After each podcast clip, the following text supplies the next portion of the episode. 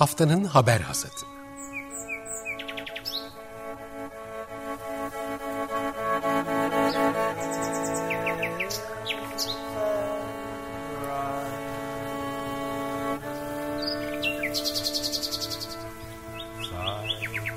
Haftanın öne çıkan iklim haberleri ve araştırmalarından okumalar ve yorumlar.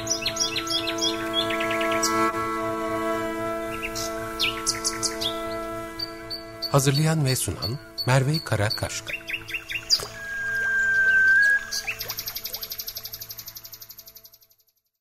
Günaydın haftanın haber hasatına hoş geldiniz. Ben Merve Karakaşka.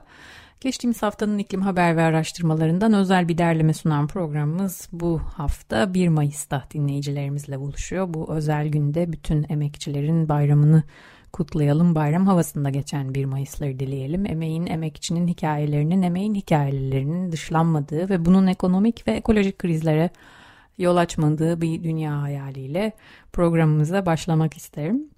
Ee, bugünkü e, kurgumuz Türkiye'de ulusal e, yayınların geçtiğimiz hafta iklim çevre ekonomi konusunda gördüğü haberlerin bir e, taraması, bir derlemesi halinde olacak. Bu bağlamda en öne çıkan belki hafta sonuna doğru da çıkmasıyla ilk sıraya aldığımız zeytinlikler haberi. Biliyorsunuz bir süredir zeytinliklerin madencilik faaliyetlerine açılması ile ilgili yürütmelik konusunda bir mücadele vardı. Bu konuda bir e, Danıştay 8. Dairesi bir karar verdi. E, zeytinlikleri maden faaliyetlerini açan yönetmeliğe karşı Çiftçi Sen'in Mart ayında yaptığı başvuruya Danıştay 8. Dairesi oy birliğiyle yürütme, yürütmeyi durdurma kararı verdi. Çiftçi, Çiftçi Sen'in paylaştığı detaylara göre 8. daire yazdığı gerekçeli kararda şunları söylüyor. 35-73 sayılı zeytinciliğin ıslahı ve yabanilerin aşılattırılması hakkında kanun uyarınca koruma altında bulunan zeytinlik sahalardaki, sahalardaki faaliyetlerin kanun ile düzenlenmesi gerektiği ve esasen davalı Enerji ve Tabi Kaynaklar Bakanlığı'nın bu alanı kendi başına yönetmelikle düzenleme yetkisi bulunmadığından davalı idarenin bu iddiası yerinde görülmemiştir. Devam ediyor ve şöyle deniyor sökülen ve taşınan ya da madencilik faaliyeti nedeniyle tahrip olan alanların eski haline getirilmesinin mümkün olmaması sebebiyle yönetmeliğin uygulanmasının telafisi güç ve imkansız zararlara doğuracağı açıktır deniyor. Yani e, bu yeni yönetmelikte zeytinliklerin taşınması söz konusuydu fakat Danıştay'ın gerekçeli kararı bunun zararı gidermeyeceğini söylüyor açıkçası. Şimdi programımızda e, bu önemli mücadeleyi çiftçiler adına kazanan Çiftçiler Sendikası'nın genel örgütlenme sekreteri Adnan Çobanoğlu bizimle birlikte olacak. Onunla bu mücadeleyi konuşacağız ama aynı zamanda e, bütün bu yaşadığımız gıda krizi, e, işte toprağın kaybı gibi önemli konularda çiftçilerin ne durumda olduğunu ve 1 Mayıs'a nasıl girdiklerini de konuşacağız. Şimdi kendisine dönelim. Hoş geldiniz programımıza Adnan Bey. Hoş bulduk. Adnan Bey, e, çiftçi sen e, dün paylaştı bu zeytinliklerle ilgili e, Danıştay'a giden e, konuyu, davayı. E, sonucu ile ilgili gerekçesini de paylaştınız. Biraz o süreci sizden dinleyebilir miyiz? O e, işte zeytinliklerin e, madencilik faaliyetlerine açılması kararı üzerinden sizin e, dava açmanız ve bir mücadeleye başlama sürecinizi bize anlatabilir misiniz? Tabii. Şimdi aslında AKP'nin 1939 yılında çıkan Zeytini Koruma Kanunu'na dönük saldırıları yeni değil. Birçok kez yasal değişiklik yapmak istedi. Ama e, yapılan tepkiler nedeniyle, bu konuda mücadele yürütülmesi nedeniyle geri çekti. Ve yasayı yönetmeliklerle delmeye çalıştı. Daha önce de benzeri e, yönetmelikler çıkartmıştı. O yönetmelikler e, Danıştay'dan geri dönmüştü, iptal edilmişti. Ancak bu iptal süreci içerisinde e, fırsat bilip e, birçok zeytin alanlarında yok etmişlerdi bunun en güzel örneği aslında Yırca'da yaşandı, Soma'da yaşandı termik santral için. Daha önce teşvik verilerek zeytinlik alanları güç çoğaltmaya yöneldikleri bir yerde yönetmeli gerekçe göstererek e, bir gecede onlarca ağacı yok ettiler. Daha sonra orada termik santral de yapamadılar aslında. Yani kaldı. Şimdi e, bu Danıştay'ın bu e, kararların hep e, 1939 yılında çıkartılan yasaya dönük e, bağ kurarak reddettiler. Dediler ki bu işin bir yasal süreci var.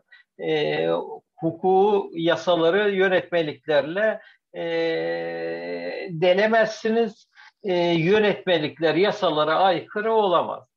Şimdi daha önce Tarım Bakanlığı üzerinden yaptıkları yönetmeliği bu sefer başka bir yol izleyerek e, Enerji ve Tabii Kaynaklar Bakanlığı vesilesiyle bir yönetmelik e, e çıkarttılar. 1 Mart'ta çıkar bir yönetmelikti. Biz 2 Mart'ta hemen bu konuda çiftçisel olarak e, Danıştay'a başvurduk iptal için ve yürütmenin durdurulması için e, yürütmenin durdurulması kararı iki gün önce elimize geçti. Oy birliğiyle alınan bir karar. Hatta ilginçtir e, Enerji ve Tabii Kaynaklar Bakanlığı'nın e, savunması e, zarar görmüyor çiftçisel diyerek e, karşı çıkmaya çalıştı. Ya biz sonuçta çiftçi örgütüyüz. Ee, bizim üyelerimizin zararı doğrudan doğruya sendikanın zararıdır. Onların haklarını savunmak üzere sendikanın işlevi sadece ekonomik haklar değil, aynı zamanda sosyal, siyasal, kültürel haklarını savunmaktır. Biz bunun mücadelesini veriyoruz. Oy birliğiyle bizim da, Danıştay e, dava yetkimiz olduğunu, bundan zarar gördüğümüzü çünkü üyelerimizin gördüğünü belirten bir karar aldı. Ardından da yürütmeyi durdurdu. Dedi ki siz gene aynı gerekçelerdir. Yasayı yönetmeliklerle değiştiremezsiniz. Bu yasal bir süreçtir. Yasayı değiştirmeniz gerekir ki böyle yönetmelikleri uygulayabilirsiniz diye. Biz e, biliyoruz bundan vazgeçmeyecekler. Çünkü tarım arazilerinin yok edilmesine dönük politikalar e, uzun süredir devam ediyor. Çiftçilerin tasfiyesine dönük politikalar, neoliberal politikalar uzun süredir devam ediyor. Bu sadece AKP dönemine ilişkin değildi aynı zamanda. 90'lı e, yıllarda, 80'li yıllarda tarımda çiftçilerin tasfiyesi hızlanmıştı. Çünkü uluslararası anlaşmalar e, gıdayı e, serbest ticaret anlaşmalarının gündemine getirdiler ve şirketleri teslim etmek istiyorlar gıdayı. E, Türkiye açısından aslında zeytinler çok önemlidir. Bunu yıllardır yok etmeye dönük e, emperyalizmin tutumları söz konusu olmuştur. Marshall ve Truman yardımları adı altında yapılan yardımlardaki anlaşmalardan biri e, pamuk yağının e, çiçek yağının, ayçiçek yağının e, Türk parasıyla satılması Türkiye'den de döviz geldi anlamıyla zeytinyağının alınmasıdır. Bedavaya margarin dağıtılmıştır okullarda o 70'li yılların başlarında ilkokullarda e, margarin yağları yapmıştır. E, zeytinyağı yiyemem aman türküsü para verilerek yaptırılmıştır, bu kanıtlanmıştır. Yani e, Türkiye'nin, Türkiye halklarının e, yemek kültürüne de bir saldırı söz konusudur aslında. E, öyle bir saldırıdır ki bu e, şirketleri e, rin gıdayı teslim almasını, metalaştırmasının önünü açmıştır. Bunu aslında en iyi e, dillendiren gene ABD eski Dışişleri Bakanlığı'ndan Kissinger olmuştur enerjiyi kontrol ederseniz e, tek tek insanları te, şey enerjiyi kontrol ederseniz tek tek ülkeleri teslim alırsınız. Gıdayı kontrol ederseniz tek tek insanları bile teslim alabilirsiniz diyerek e, gıdanın kontrolü hızlanmaya çalışmıştır. Biz şuna Abi, inanıyoruz. Evet. Şimdi şöyle 21. yüzyılda e, bütün kavga e, enerji kaynakları, su kaynakları ve su yolları ve gıda üzerine dönmektedir. Ve bunun mal en büyük mağdurları da e, gıdaya ihtiyaç duyan yoksullar ve çiftçilerdir. Yani çok önemli şeylere değindiniz. Daha dün değil evvelsi gün Birleşmiş Milletler küresel ki Birleşmiş Milletler bunu yayınladı. Küresel Arazi Görünümü adlı bir rapor yayınladılar. Daha çok toprağın durumuna odaklanıyor. Raporda diyor ki sadece dünyadaki çiftliklerin yüzde biri toprakların yüzde yetmişini kontrol ediyor. Sadece yüzde birlik bir azınlık var ve topraklardaki yüzde yetmişini kontrol ediyor. Yani sizin tam söylediğiniz şey. E, bununla birlikte işte 700 milyar dolarlık her sene e, ne denir teşvik ödeniyor e, bu çiftliklere ama bunun sadece yüzde on beşinin toprak üzerinde iyi bir etkisi var. Onun dışında hepsi toprağı çoraklaştırıyor ki dünyadaki bütün o verimli toprakların da bugün yüzde kırkını kaybetmiş durumdayız diye çok böyle fena e, sonuçları olan bir rapor. Şimdi bütün bunlar yaşanırken siz de bunların tam içinde çiftçilerle birlikte çalışıyorsunuz. Korkunç bir gıda krizinden bahsediyorlar. Türkiye iklim kriziyle birlikte kuraklaşmanın etkisiyle çiftçilerin böyle e, topraklarını terk ettikleri, işlerini bıraktıkları dönemler gördük. 1 Mayıs'a nasıl giriyorsunuz? Yani bugün e, programımız da 1 Mayıs'ta yayınlanıyor. O yüzden size bunu sormak istiyorum. Ne durumdasınız?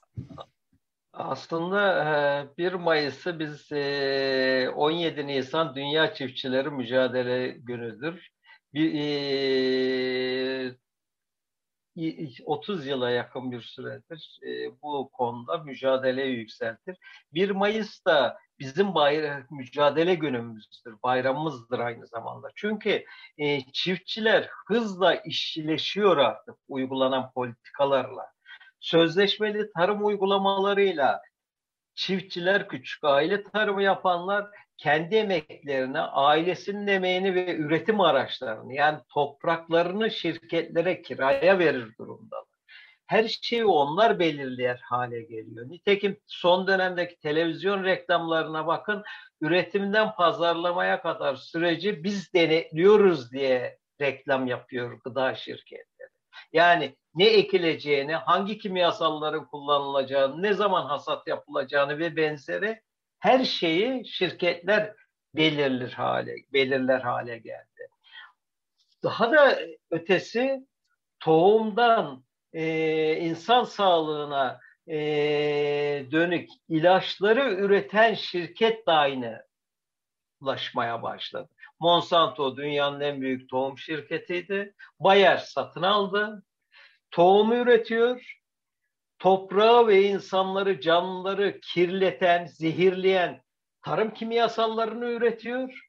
Bu kimyasallardan hastalanan insanların sağlığına ilişkin ilaçları üretiyor. Şimdi böylesine bir zincir. Bu, bu sadece Bayar'a özgü de değil. Sincantan'ın yaptığı da diğerleri de benzeri işlev yapıyor. Şimdi bu anlamıyla biz 21. yüzyılın temel problemleri gıdanın e, şirketlerin kontrolüne geçmesi ise ve buna karşı bir mücadele yürütülmesi gerekiyorsa bu aynı zamanda işçi mücadelesidir. Aynı zamanda çiftçi mücadelesi, aynı zamanda gıdaya ihtiyaç duyan tüketicilerin mücadelesidir.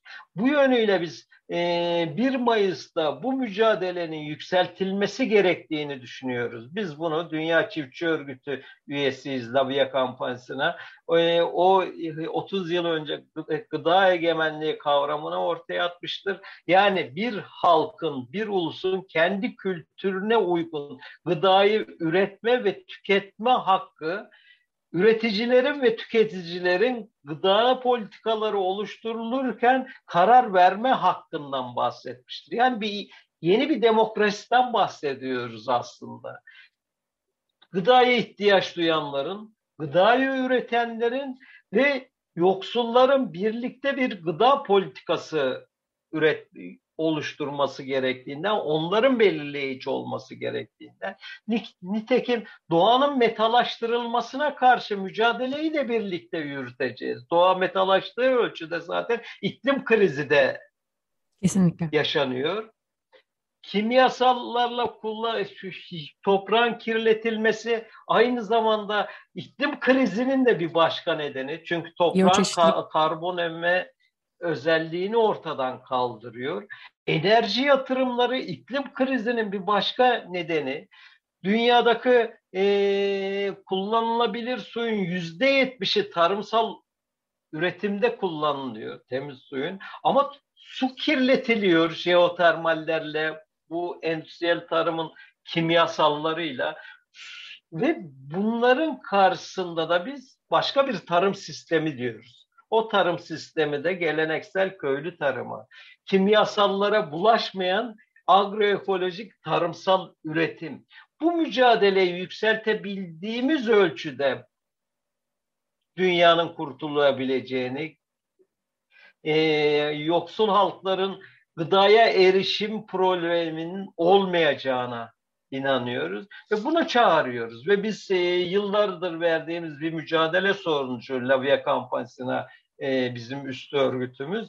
E, üç yıl önce Birleşmiş Milletler'de e, kısadı köylü hakları bir deklarasyonu olan kırda yaşayan, kır, kırsalda yaşayan çiftçiler ve diğer insanların hakları deklarasyonunu kabul ettirmiştir. Türkiye Cumhuriyet Devleti bu bunda e, çekimser oy kullanmıştır. Biz bu mücadelenin, o köylü haklarının kabul edilme mücadelesini önümüzdeki sürecin en önemli görevi olduğunu düşünüyoruz. Çünkü orada gıda hak gıdanın bir hak olduğundan bahsediyor. Orada sağlıklı suya erişimin bir hak olduğundan, sağlıklı toprağa, sağlıklı tohuma, sağlıklı havaya erişimin bir hak olduğundan bahsediyor ve hükümetlere de bu konuda yükümlülükler veriyor.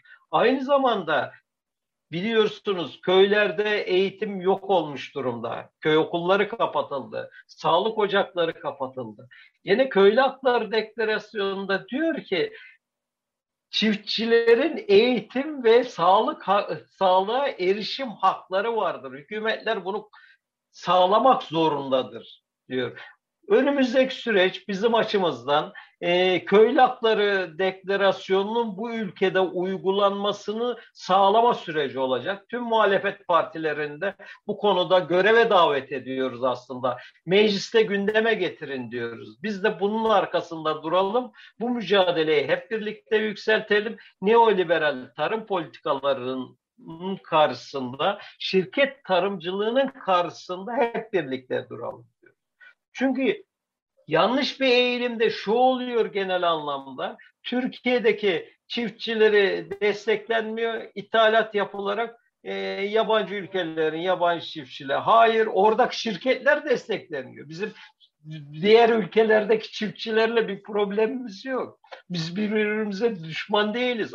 Aksine aynı sorunu onlar da yaşıyorlar. Verilen teşvikler tüm dünyada siz de belirttiğiniz gibi şirketlere dönük, şirketlerin endüstriyel tarım uygulamalarına dönük teşvikler. Biliyorsunuz Türkiye'de de e, milli tarım projeleri dillendirilirken, teşvik verilirken şart koşuyordu. Şirketlerin sertifikalı tohumunu kullanırsan teşvik var diye. Yerel atalık tohumları kullanırsan teşvik yok kimyasal gübre, gübre adı altında zehirleri dağıtıyor. E, agroekolojik üretime özel bir destek vermediği gibi köstek olmaya çalışıyor. Pandemi bahanesiyle yerel pazarlar kapatıldı uzun süre yakıtlardaki, mazottaki e, ÖTV ve benzer zamlar nedeniyle üretici ürününü şimdi yerel pazarlara getiremiyor. Çünkü ürettiği ürünü pazara getirmeye kalksa nakliye maliyeti ürünün maliyetinden daha fazla olmuş durumda. Bütün bunların karşısında biz e, enternasyonel köylü dayanışmasıyla, enternasyonel işçi dayanışmasıyla şirket tarımcılığı ve şirketlerin e, yönetimindeki bir dünya sistemi karşısında başka bir sistemi kurabileceğimize inanıyoruz. Bunun için de mücadele yürütüyoruz. Ne güzel anlattınız. Çok teşekkür ederim. Ya aslında e, günümüzde daha doğrusu işte yakın zamanda da sık sık e, Türkiye'de de duyuyoruz işte çok fazla destek veriliyor çiftçiye şu anda ki bu ekonomik e, zorlukları aşması dediğiniz gibi enerji fiyatları, gübre ama bir taraftan da bu teşvikler de aslında artmaya devam ediyor. Toprağa belki daha e, zarar verecek uygulamalar, suya daha zarar verecek uygulamalar da devam edecek gibi görünüyor mu? Yoksa sizce bir farkındalık var da bir şeyler iyileştirmeye çalışıyor mu? Bu da benim son sorum. Buyurun. Ya tabii bu iyileştirme siyasi iktidarlar tarafından veya mevcut muhalefet partileri tarafından böyle bir iddia yok henüz. Yerel yönetimlerde de böyle bir iddia yok henüz düzeltmeye dönük. Ee, bir tarzda aslında e, köylülerin kendi e, geleneksel tarım yönteminin ötesindeki yöntemlere teşvikler yöneliniyor. Örneğin e, topraksız tarım uygulamaları için kurslar açıyor büyükşehir, bazı büyükşehir belediyeleri ki bunlar muhalif belediyeler. Topraksız tarım demek kimyasallarla tarımsal üretim yapmak demek. E, şirketlere bağımlılığı arttıran bir şey bu. Yine e, uygulanan uygulamalarla baktığımızda eski Tarım Bakanı e, 3-4 yıl önce Dünya Gıda Günü'nde çok net bir şey söyledi. Sağlıksız beslenme yüzünden dünyada 30 milyar dolarlık ekstra sağlık maliyeti oluyor diye. Sağlıksız beslenme abur cubur yemek değil tek başına. Sağlıksız beslenme aynı zamanda sağlıksız gıdaları tüketmek, kimyasallarla yok edilmiş gıdaları tüketmek jeotermal elektrik santrallerinin yarattığı olumsuz gıdaları tüketmek. Nitekim yapılan birçok araştırmalar gösterdi ki jeotermal e, elektrik santrallerin olduğu yerlerde radyoaktif maddelerden tutun da gıdalarda birçok problemi yaratıyor. Şimdi o zaman biz diyoruz ki bu bütünlüklü bir politik olarak karşı duruşla mümkün enerji politikalarına karşı bir karşı duruş da mümkün. Çünkü enerji politikalarından zarar görenler kırsal köylüler ve tüketiciler. Özellikle yoksul tüketiciler. Çünkü parası olan daha iyi ürünü alabiliyor. O zaman mevcut sistemin gıda sistemi karşısında başka bir şey de gündeme geliyor. Ekolo, ekolojistler eğer ki ekoloji mücadelesinin başarılı kazanmasını istiyorlarsa geleneksel köylü tarımının yanında yer almak ve onlarla birlikte mücadele yürütmek zorundalar. Endüstriyel gıda sistemine karşı durmak zorunlular. Çünkü ekoloji kendi başına e, ayrı bir şey değil. Doğrudan o işin bir parçası haline geliyor. Tüketiciler sağlıklı bir gıdaya erişim ve ucuz gıdaya erişim istiyorlarsa köylülerin mücadelesinin yanında durmak zorundalar. İşçiler mevcut gelirleriyle sağlıklı gıdaya erişebilmek istiyorlarsa aynı şey onlar için de geçerli. Köylülerin geleneksel aile tarımı yapanların büyümesi, mücadelesinin yükselmesi gerekir. Bu bütünlüklü bir proje diyoruz biz. Bu yeni bir e, gıda sistemi demek. Bu yeni bir e, tarım sistemi demek. Bu 12 Eylül öncesi tarım sistemi demek değil artık. E, o dönem devlet destekliyordu, taban fiyat uygulamaları vesaire ama o gıda rejimi buna uygundu. Zaten bize biçilen rol böyle bir şeydi o dönem bizim gibi ülkelere ve onun gereği olarak yapılmıştı. Tarım kredi kooperatifleri 1950'lerde kuruldu. Çünkü sanayi makineleşmesi için çiftçilerin enerji yoğun bir tarımsal üretimi gitmesi için bir maddi olanağa ihtiyaçları vardı orta çiftçilerin özellikle. Alın size para dediler. Bunu yaptılar neoliberal liberal politikalar uygulanırken o Avrupa Birliği uyum yasaları vesaire olduğunda bir ton fon verildi, teşvik edildi fonlar. Bu fonlarla bazı kooperatifleri güçlendirdiler. İyi bir şey yapıldığı sanıldı. Kalkınma var sanıldı ama asıl işin perde arkası başkaydı. Ürün deseni değiştirildi. Şirketlere bağımlı bir e, gıda sistemi kuruldu. Bunun en güzel örneği örneğin sürekli söylerim İzmir Tire'dir. Tire süttür. Büyük bir kooperatif gelişti. Ama bugün Tire'de mısır sılaşı dışında neredeyse ürün üretilemez hale gelmiş durumda hayvanlara vermek için. Yetmiyor ithalat yapılıyor. Yani dışa bağımlı, şirketlere bağımlı bir kalkınmacılık mantığı geliştirildi. Biz bütün bunların karşısında yeni bir gıda sistemi diyoruz. Bunu kararını da yukarıdan aşağı verilmemesi gerekir. Üreticisiyle, tüketicisiyle, e, tarım iş kolunda çalışan gerek mevsimlik tarım işçileri gerekse de ücretli gıda iş kolunda çalışan işçileriyle birlikte bir gıda ve tarım politikası oluşturulabilirse başarı şansımız var. Ha bunu bu değişim var mı? Tabanda bu değişim olmaya başlandı. Dillendiriyor. Birçok akademisyen de bizim haklarımız için bizle birlikte bunu dillendirmeye başladı. Bu çok önemli bir gelişme.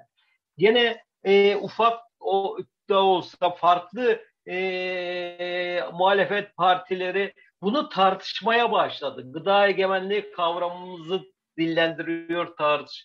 Bu önemli bir gelişme. Demek ki bir şeyleri e, zor da olsa e, başardığımızı inanıyorum. Biz çiftçi örgütlenmesini ilk başladığımız 2004 yılıdır. Çiftçi senin o zamanlar ürün bazında örgütlenmiştik üzümse. Yıllarca 2020 yılına kadar fiili meşru sendikacılık yaptık. Bizi yasal olarak bile tanımak istemediler. Bazı sendikalarımız kapandı. Hayır siz sendika değilsiniz dediler. Konfederasyonlaşmayacak. En sonunda değişen e, tarımsal sistemi de göz önünde bulundurarak 2020 e, yılı ocağında bütün ürünlerden gelen sendikalardan gelen delegelerle bir kurultay yaptık, konferans düzenledik ve yeniden tek bir sendikaya yöneldik. Çiftçi kavramını da o köy, köylü hakları deklarasyonundaki kavramın aynısını koyduk ve şu anda yasal bir sendika statüsüne kazandık. Danıştay'da da bile hakimler önce işte Enerji Bakanlığı bunlar e, yetkisiz derken bize hayır bu yetkilidir diyen bir noktaya geldik başarı kolay kazanılmıyor. 20 senede yasal bir sendika olabildik neredeyse 20 sene sürüyor. Biz bu gıda egemenliği mücadelesinin de köylü haklarının bu toplumda e, uygulanabilir hale gelme mücadelesinin de uzun süreceğini biliyoruz ama yılmadan bu konuda mücadele yürütmeyi de kararlıyız. Evet, e, valla çok ilham verici şeyler anlattınız. Çok da şey öğrendim sizden. E, çok teşekkür ederim Adnan Bey bugün e, davetimizi kabul edip programımıza katıldığınız için. Benim sormak istediklerim bu kadar ama eklemek istediğiniz bir şeyler varsa birazcık daha vaktimiz var. E, ben teşekkür ederim her şeyden önce. E, Açık Radyo bizim açımızdan da önemli bir e, işlev görüyor. Çünkü en azından bize destek olabilecek aydın kesimlerin daha rahat bize anlamalarını yardımcı olacağına inanıyorum bu süreçte. Ee, 1 Mayıs'ın temel sloganı birlik, mücadele, dayanışma. O zaman gıda egemenliği için birlik, mücadele, dayanışma diyorum. Tüm işçilerin, tüm yoksulların 1 Mayıs'ını kutluyorum. Umarım önümüzdeki yıllarda e, bugünkünden daha iyi koşullarda bir 1 Mayıs kutlaması yaparız diyorum. Herkese kolay gelsin diyorum. Teşekkür ederim. Ben teşekkür ederim. Açık Radyo'da Çiftçiler Sendikası Genel Örgütlenme Sekreteri Adnan Çobanoğlu bizimle birlikteydi. Şimdi haftanın haber hasatının e, diğer haberlerine geçiyoruz. Gündemin en önemli konularından biri müsilaj. Marmara Denizi'nde geçen yıl yaşanan facianın ardından bu yılda müsilajın emarelerinin hızlandığına dair Demir Ören Haber Ajansı geçtiğimiz hafta bir gün arayla Tuzla'dan çekilen drone görüntülerini paylaştı. DA'nın müsilajın endişe verici bir hızda arttığını paylaşmasının ardından bunun üzerinden çok kısa bir süre geçtikten sonra da Anadolu Ajansı bir başka haber yayımladı. Anadolu Ajansı'na konuşan uzmanlar bunların müsilaj değil yani Marmara Denizi'nde henüz müsilaj olmadığını ve bunların polen olabileceği yönünde görüş belirttiler. Ee, konuşan uzmanlardan İstanbul Üniversitesi Deniz Bilimleri ve İşletmeciliği Enstitüsü Müdürü Profesör Doktor Cem Gazioğlu ve beraberindeki akademisyenler Marmara Denizi'nde çalışmalarını sürdüren ODTÜ Deniz Bilimleri Enstitüsü'ne ait Alemdar 2 Deniz Bilimleri Araştırma Gemisi'nde e, Marmara'daki genel durumu analiz ettiklerini söylediler. Anadolu Ajansı'nın aktardığına göre henüz müsilaj bulgusuna rastlamadıklarını, polen olabileceğini ve bunun için de e, analiz edeceklerini polen araştırma laboratuvarında bu bulguları belirttiler. Bununla e, birlikte ODTÜ Deniz Bilimleri Enstitüsü'nden doçent doktor e, Mustafa Yücel e, de işte Marmara'yı sık sık ziyaret ettiklerini ve oksijen azlığı sorununun denizin en büyük problemlerinden biri olduğunu belirtiyor. Yücel şöyle söylüyor, oksijen geçen yıla göre maalesef daha iyi değil. Her şeyden önce bunu ortaya koymalıyız. İzmit Körfezi'nde çok ciddi bir oksijen azlığı hala devam ediyor. Bunu biz 2-3 hafta önce açıklamalarımızda da belirtmiştik. Bu körfezin dip suları maalesef hidrojen sülfürle artık yıl boyu kaplı durumda. Biraz şanssız bir yerde. Bu coğrafi olarak da e, mümkün ama oksijen azlığı maalesef geçen yıla göre daha iyi değil. Sistem hala çok ciddi azot ve fosfor yükleriyle yüklü durumda. Bunun gerçekten altını çizmemiz gerekiyor. Aslında yüzeyde müsilajın görülmesi, polenin görülmesi bunlar önemli. Tabii ki halkımız çok hassas bu konularda. Ama denizin görünmeyen öğeleri çok hassas, yüksek durumda. Ee, bunları nasıl azaltacağımız aslında biraz üzerine kafa yormamız gerekiyor.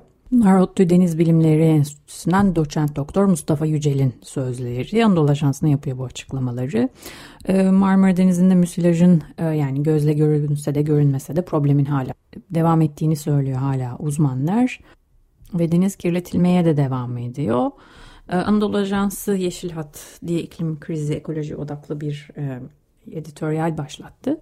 Burada verilen bir başka haberde örneğin Kocaeli'nin e, Başiskele ilçesinde bir firmanın atık suyunu yağmur suyu hattına vermesinin Kirazlı Deresi'nde kirliliğe neden olduğu paylaşıldı. Çevre Şehircilik ve İklim Değişikliği İl Müdürlüğü, İSU Genel Müdürlüğü ve Çevre Koruma Kontrol Dairesi Başkanlığı ekiplerinin e, bu duruma müdahale ettikleri ve su akışının kesildiği paylaşıldı haberde. E, bu Kirazlı Deresi daha önce de Kızılar rengi kırmızıya dönmesiyle yani yine e, kirlilik haberleriyle gündeme gelmişti. Bu ve haberler farklı haberler Marmara Denizi'nin aslında yaşadığı facianın devam etmesinin veya iyileşmemesinin sebeplerinden bazıları. Ee, peki e, ne yapılıyor bunu önlemek için bir senedir diye düşündüğümüzde önemli bir e, komisyon var. Bu konuyu üstlenen Marmara Denizi'nde Müsilajı Araştırma Komisyonu. Bu komisyon e, bir rapor hazırladı. Bu rapor geçtiğimiz hafta meclise sunuldu ve meclis tarafından da meclis başkanlığı tarafından da kabul edildi. Ee, BBC Türkçe'nin haberine göre de yeni bir yasal düzenlemeyle Marmara Havzası'nda bulunan illerin belediyelerine ileri biyolojik atık su arıtma tesisi kurma zorunluluğu getirilmesi bekleniyor. Yani e, zaten bu raporda da e, öne çıkan başlık kirlilik olarak verilmişti.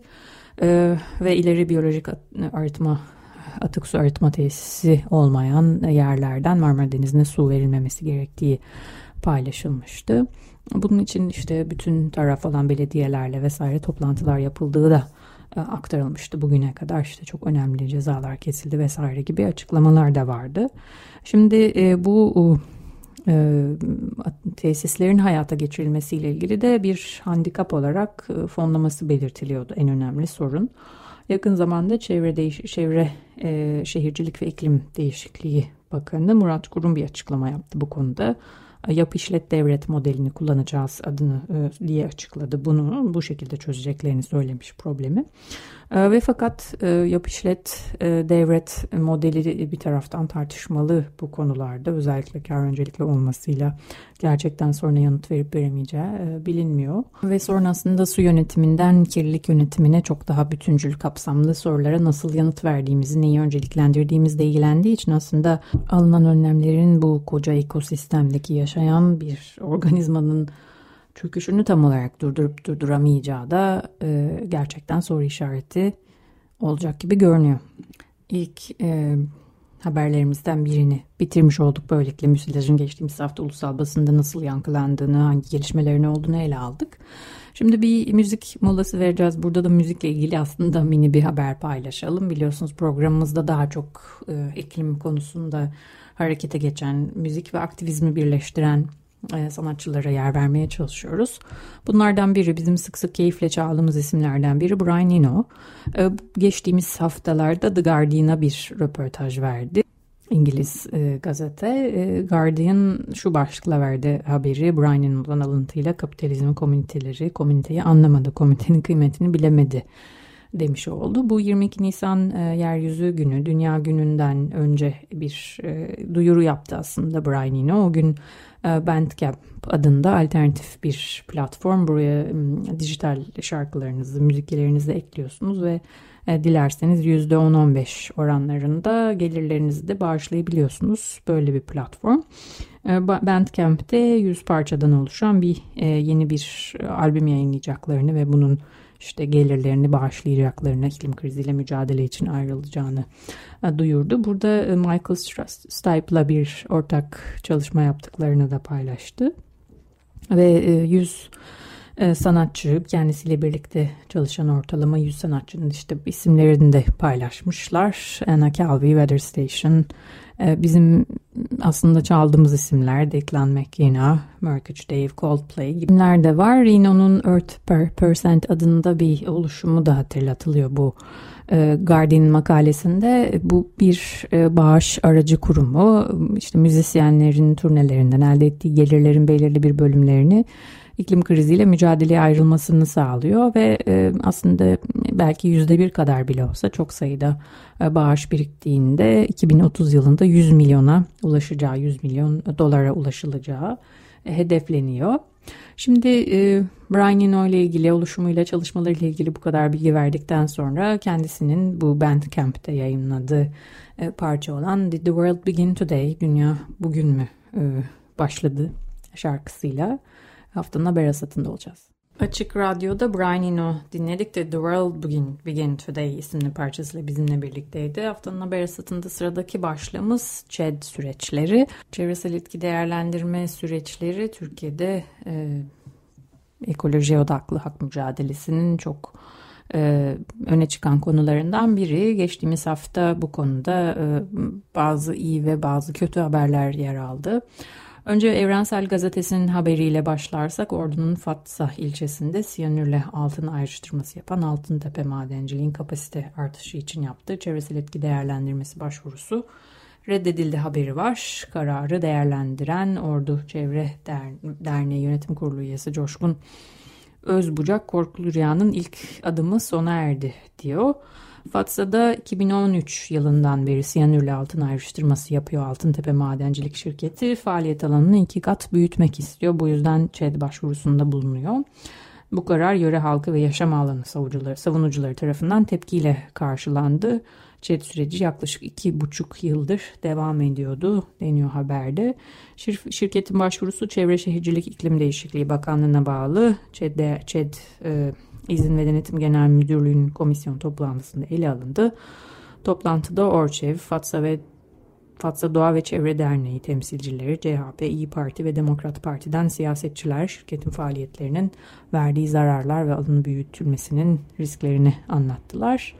Ve komisyon bu e, toplantı sonucunda ÇED raporunu iptal etti. Şirketin başvurusunun reddedilmesiyle birlikte mevcut faaliyet alanındaki izin süresi de sona erdi. E, ve işte bu yüzden Coş, Coşkun Özbucak Korkulu Rüyanın ilk adımı sona erdi diyor. E, tabii komisyon kararı hem Türkiye genelinde hem de orduda maden faaliyetlerine karşı yaşam alanlarını savunma mücadelesi veren halkı e, motive etmesi bakımından önemli diyor Özbucak. Fakat şirketin yeni bir çet süreci başlatabileceğini de hatırlatıyor Evrensel'in haberine göre. Bu altın madenciliği aslında Türkiye'de son birkaç haftadır gündemde. Ee, burada e, İliç Doğa ve Çevre Platformu bu konudaki gelişmeleri e, paylaşıyor. Ana, Ana Golden Erzincan İliç'te işlettiği çöpler, çöpler altın e, madeni kompleksi için ÇED olumlu kararını almıştı. Bu ikinci kapasite artışı olacak. Bu konuyla ilgili de oldukça çat, tartışmalı bir e, karar bu. Bu konuyla ilgili BBC Türkçe'den geçtiğimiz hafta bize konuk olarak katılan Asya Robbins de bir haber hazırlamıştı. Onun haberinde örneğin şu bilgiler var. Altın Madencileri Derneği Türkiye'de 19 tane aktif altın madeni bulunduğunu söylüyorlar. Son 22 yılda ise 421 tondan fazla altın üretilmiş Türkiye'de. Ve Tema Vakfı Çevre Politikaları ve Uluslararası Bölüm Başkanı Eylem Tunceli, Türkiye'de 2012-2018 yılları arasında maden arama ve işletme için tahsis edilen orman alanı miktarının 65.884 hektar olduğunu söylüyor. Ee, ve bir başka uzman yine bu madenciliğin etkisiyle ilgili Bursa e, Uludağ Üniversitesi Tıp Fakültesi'nde halk sağlığı uzmanı Profesör Doktor Kayan Parla e, madencilik faaliyetlerinin küresel ölümlerin %23'ünden sorumlu çevresel kirliliğe yol açtığını söylüyor. E, Palığa çevreye toz, katı atık, ağır metal, kirli sıvı ve zehirli gazların yayılmasına neden olan madenciliğin yarattığı sağlık sorunlarının Türkiye'de sistematik olarak izlenmediğini dolayısıyla bu konuda net veri olmadığını da belirtiyor. Yani aslında bir tür kumar oynanıyor ama bunun etkisinin ne olacağı da bugüne kadar umursanıp araştırılmamış da denilebilir. Bu hafta bir diğer ÇED haberimiz çevresel etki değerlendirmesi e, odaklı diyelim hak mücadelesi haberimiz İç Anadolu'nun tek sakin şehri Güdül'e yakın Beypazarı'na bağlı Uruş'a maden ocağı kurulması ile ilgili bir haber. Bir güne göre ÇED gerekli değildir kararının yürütmesi durdurulmuş Ankara 5. İdari Mahkemesi tarafından. Ee, UNESCO Dünya Mirası Geçici Listesi'ndeki Ankara'nın Beypazarı ilçesine bağlı Uruş Mahallesi'nde kurulmak istenen Sepiyolit Kil Ocağı'nın çevreseleki değerlendirme sürecinden muaf tutulması yargıdan döndü diyor haberi yazan Uğur Şahin. Ankara Valiliği Çevre ve Çevre ve Şehircilik İl Müdürlüğü 7 Mayıs 2021'de e, tarımsal faaliyetleriyle öne çıkan Uruş Mahallesi'ne Kil Ocağı projesi için ÇED gerekli değildir kararı verilmiş. ÇED süreci bir projenin doğa üzerinde yaratacağı etkilerin masaya yatırılması anlamına geliyor. ÇED gerekli değil kararı ise projenin doğa etkileri bakımından değerlendirme dışı tutulması durumunda veriliyor. Yani Çevre ve Şehircilik İl Müdürlüğü maden projesinin doğaya etkisini e, ölçmeden onay verdi deniyor haberde. E, ve bu sakin şehir ünvanlı Güdül'e yakın e, kil ocağının hem tarımı hem de doğaya bir ciddi bir hasar vereceği ne dikkat çekilerek yargıya taşınmış.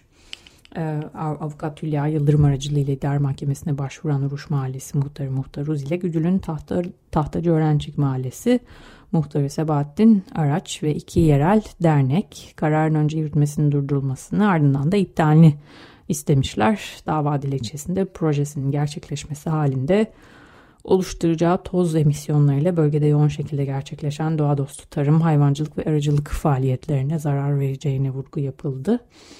Bu maden ocağı Birleşmiş Milletler Programı ile desteklenen agroekolojik üretim faaliyetlerine büyük zarar verecek proje oluşturacağı yüksek gürültü düzeyi ve ağır kamyon trafiği Güdül Sakin Şehir e, Çiktaslov süreçleriyle yürüttüğümüz turizm faaliyetlerine darbe vuracak. Proje gelecek kuşakların haklarını da yok sayacak. Çünkü projenin ekosistem etkisi geri döndürülemez. Sonuçlar çağlayacak, doğuracak denmiş. Ve e, bu süreçte MYB Madencilik e, açılan davaya müdahale olan e, şirket ÇED gerekli değilleri kararının mevzuata uygun olduğunu öne sürmüş.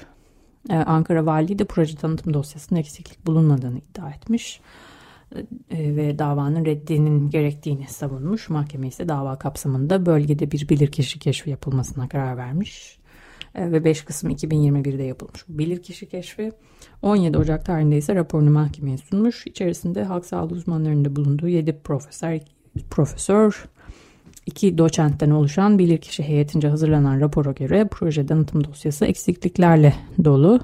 Proje kapsamında ÇED sürecinin işletilmesi gerektiğinin altı çizilen, altını çizen bilir kişiler özetle şunlara dikkat çekti deniyor haberde. Yapılacak madencilik faaliyetlerinin etki alanı ve sınırları ile ilgili analizlerin proje tanıtım, tanıtım dosyasında eksik olduğu tespit edildi çevre sağlığı ve bölgede yaşayan toplumun sağlığına doğrudan ve dolaylı etkiler konusunda proje tanıtım dosyasına yeterli çalışma yapılmadığı görüldü. Ee, ve aynı şekilde tarım arazilerine, tarlalara, meyve sebze bağ üretim alanlarında oluşulabilecek kayıplar açısından da ÇED yapılması gerekli görülmektedir dendi. Ee, yani kil bildiğiniz gibi kozmetikte vesaire çok e, kullanılan bir ürün ve sevilen bir ürün olmasına rağmen aslında işte doğal bir ürün olmadığı en azından süreçlerinin e, böyle masum olmadığı da ortaya çıkmış oluyor bu tip e, çatışmalarla. Şunu görüyoruz ki proje kapsamında 862 hektarlık alanda kurulmak isteniyor böyle bir e, maden ve 300 bin tonluk üretim yapılması amaçlanıyor. Yani bu kadar büyük bir ölçeğinde zaten doğaya zarar vermeden yapılması neredeyse imkansız gibi görünüyor. Şimdi haftanın haber asatında bu e, bir diğer başlığımızdı ÇED'ler, ÇED süreçleriyle ilgili. Bir tane daha haberimiz var. O da Sinop'ta yapılması planlanan Sinop Nükleer Güç Santrali ile ilgili. Buna karşı açılan ÇED olumlu raporunun iptal davası reddedildi deniyor. Sinop biliyorsunuz uzun zamandır ki ben de zamanında ziyaret etmiştim nükleer karşıtı platformla birlikte e, Greenpeace'in bu Rainbow Warrior, Warrior gemisi vardır. Onun böyle son e, seyahatlerinden biriydi. O, onunla beraber Sinop'a gitmiştik. Bu çok uzun bir sene zaman önceydi. Orada e, protestolara katılmıştım.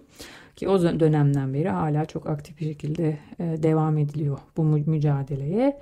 Ve son olarak da yine e, karşı açılan ÇED olumlu raporu iptal edilmiş. Sinop Nükleer Karşıtı Platform konuyla ilgili baş, basın açıklaması yapmış. Santral kurulması planının İnceburnu'ndaki e, açıklamada Sinop Nükleer Karşıtı Platformu Sözcüsü İlker Şahin 36 yıl önce 26 Nisan'da gerçekleşen Çernobil kazasını hatırlattı ve patlamanın ardından radyoaktif madde yüklü bulutların Türkiye dahil birçok ülkeyi etkilediğini vurguladı. Facianın etkileri nedeniyle yüz binlerce çocuk sakat dünyaya geldi. Kanser vakalarının arttığı tespit edildi gibi önemli alıntılar var. Zaten e, Çernobil'in de bir, bir, e, bir yakın zamanda biliyorsunuz yıl dönümüydü. Geçen süreye rağmen etkisi hala e, çok taze, çok ciddi bir travma.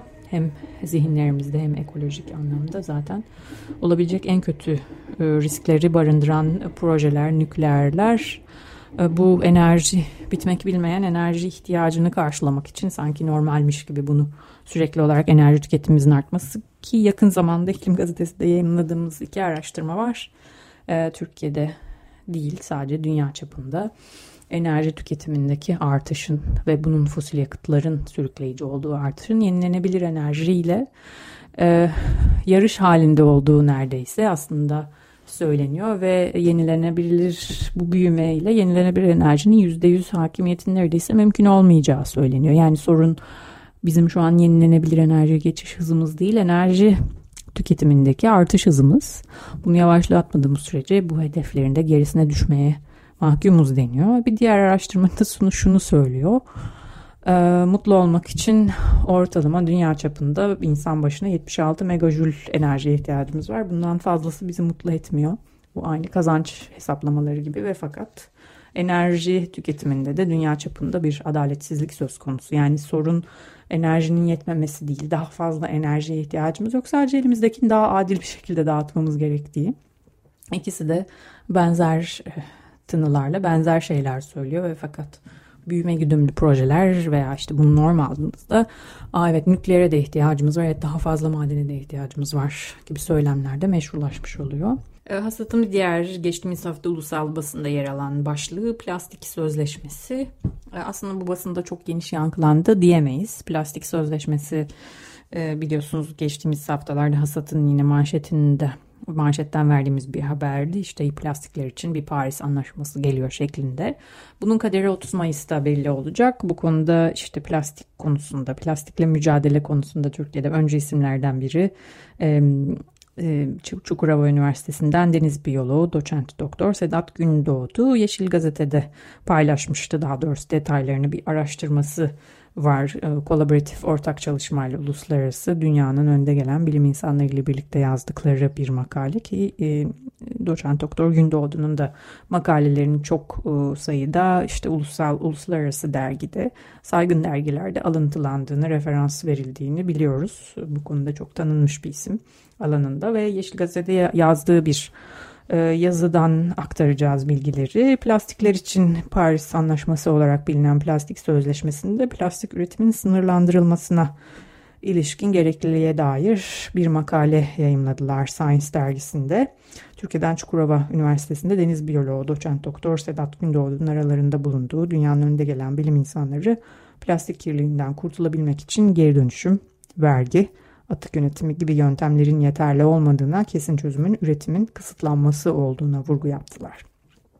Gündoğdu Yeşil Gazete'ye yayınlanan köşe yazısında yeni plastiklerin üretiminin sınırlandırılması bunların çevreye salımını azaltmaya yardımcı olacak ve plastiklerin değerini artırmaktan iklim değişikliğiyle mücadeleye yardımcı olmaya kadar başka faydalar da getirecek diyor bu yeni önlem. Ve Türkiye'nin de ana rotalarından biri olduğu plastik atık ihracatıyla mücadelede de önemli bir etki yaratacağını savunuyor. Aslında özetle burada da bir küçülmeye ihtiyaç var. Yani aslında küçülmeci ekonomiye, ekonomik yaklaşımların aslında belki altını çizdiği önemli hedef gösterdiği önemli endüstrilerden biri. Yani plastiklerin hele de geri dönüştürmeyen plastiklerin büyümesine hiç aslında dünyanın ihtiyacı yok ve buraya ayrılan kaynaklar başka daha insanların refahını artıracak alanlara da e, aktarılabilir.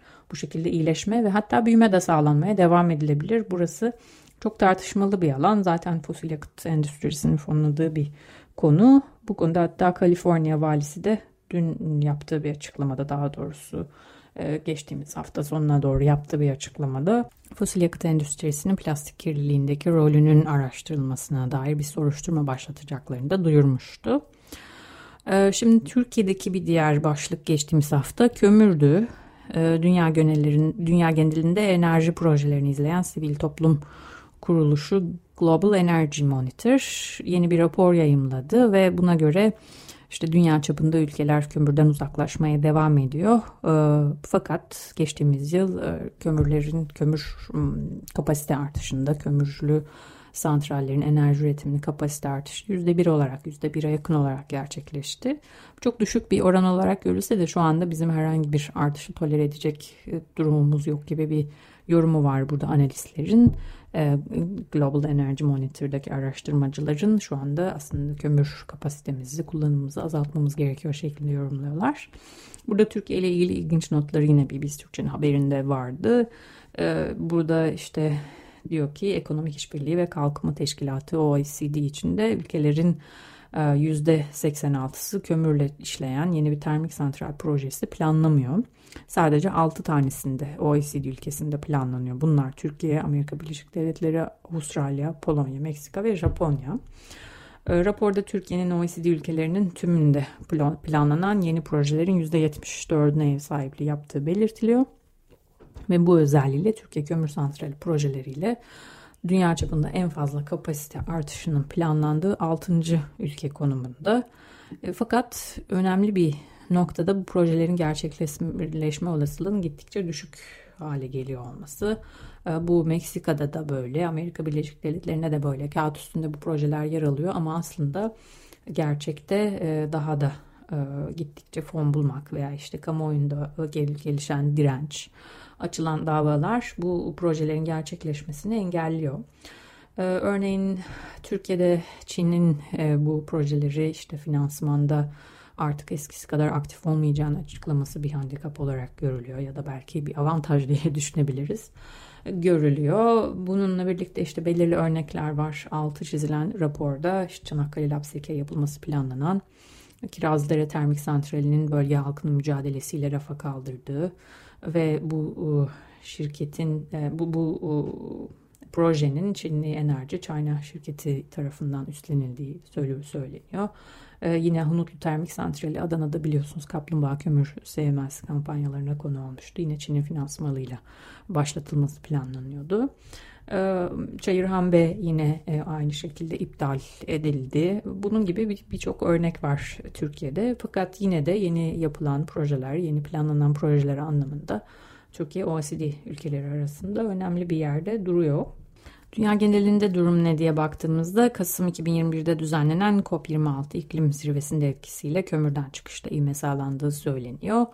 Tamamen çıkış yerine kömürün aşamalı olarak azaltılması phase out, phase down kelimeleri çok ciddi tartışma yaratmıştı. Hatta burada doğrudan fosil yakıtlı fonlayan ülkelerin ağırlığı konuşulmuştu. Ee, bu yüzden hani ülkelerin bir kömürden çıkış tarihi tam olarak belirlenmedi ama yine de geçtiğimiz yıl kömür santrallerinin yani bir çıkış tarihi belirlenen kömür santrallerinin sayısı iki katına çıktı e, ve 750'ye ulaştı. Bu santrallerin kapasitesi toplam 550 gigawata ulaştı deniyor raporda. Hazır santrallerden, termik santrallerden bahsetmişken bütün termik santrallerin aynı olmadığını da söylemek lazım. Kullanılan fosil yakıt türüne göre tabii. Ee, burada Türkiye'de e, kömür anlamında iki kömür türü taş kömürü ve linyit öne çıkıyor. E, TÜİK'te yani Türkiye İstatistik Kurumu da geçtiğimiz hafta katı yakıt istatistiklerini açıkladı. Şubat ayına ait. Buna göre e, sektörlere göre teslimat miktarlarına baktığımızda taş kömüründe yıllık bazda azalma, linyitte ise önemli bir artış görünüyor. Ee, burada rakamlar şunu söylüyor. Satılabilir linyit üretimi Şubat ayında bir önceki aya göre %6 nokta azaldı ama bir önceki yılın aynı ayına göre %15.7 arttı. Aynı dönemde linyit teslimatının %81.7'si termik santrallere ve %12.3'ü demir çelik haricindeki sanayiye yapıldı deniyor. Linyitin önemiyle ilgili Sağlık ve Çevre Birliği yalın e, bazı notları var. Bunları paylaşmanın uygun olacağını düşündüm. Örneğin linyit taş kömürüyle karşılaştığında genel olarak sülfür ve kül içeriği daha yüksek, enerji daha değeri daha düşük. Dolayısıyla kömürlü termik santrallerde üretilen megawatt başına daha fazla hava kirletici emisyonu neden olan bir kömür türü. Yaşam döngüsünün tamamı düşünüldüğünde linyit görece daha yüksek hava kirliliği emisyonuna, yerli halkın gece zorlanmasına, toprak ve su karakterinde değişimlere, ee, ve mesela bunlar arasında yüzey madenciliğinden sonra ortaya çıkan asit gölleri var. Ee, taş kömüründe ise belli başlı diğer sorunlar var. Bunlar kömürün taşınması ve yeraltı madenciliğindeki yoğun makine kullanımına bağlı yüksek enerji ihtiyacı. Ee, Türkiye'de fosil yakıtlardan elektrik üretmenin çevresel yaşam döngüsü üzerine Manchester Üniversitesi tarafından 2013 yılında yapılan bir araştırmayı alıntılamış yıl. Buna göre linyitin en kötü tercih olduğunu söylüyor. Çalışmada mevcut fosil yakıtlı ter tüm termik santraller 11 kritere göre analiz edilmiş. 11 kriterin 8'inde linyit taş kömürüne göre daha olumsuz özellik göstermiş. Tabi taş kömürünü çıkarmak daha e, büyük e, emek istiyor, daha zor. Genellikle e, daha hem pahalı hem de linyite göre daha derinlerde. Linyit daha yüzeyde bulunabiliyor. Bu tip sözde tırnak içinde avantajları olan bir kömür türü daha da ucuz bu yüzden. Ve genel olarak yerel kullanıyor. Taş kömür uluslararası ticaret içinde elverişli notları da var. Katı yakıt istatistikleri bu haftaki hasatın son e, haberiydi. Umuyoruz ki siz de keyif aldınız, ilham aldınız bütün bu konuşmadan, sohbetten. Önümüzdeki hafta daha iyi haberlerle görüşmek üzere. Kendinize çok iyi bakın. Hoşçakalın.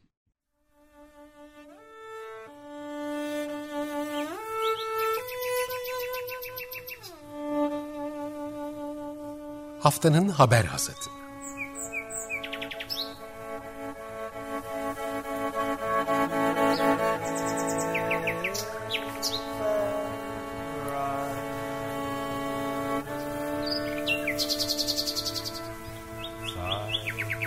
Haftanın öne çıkan iklim haberleri ve araştırmalarından okumalar ve yorumlar.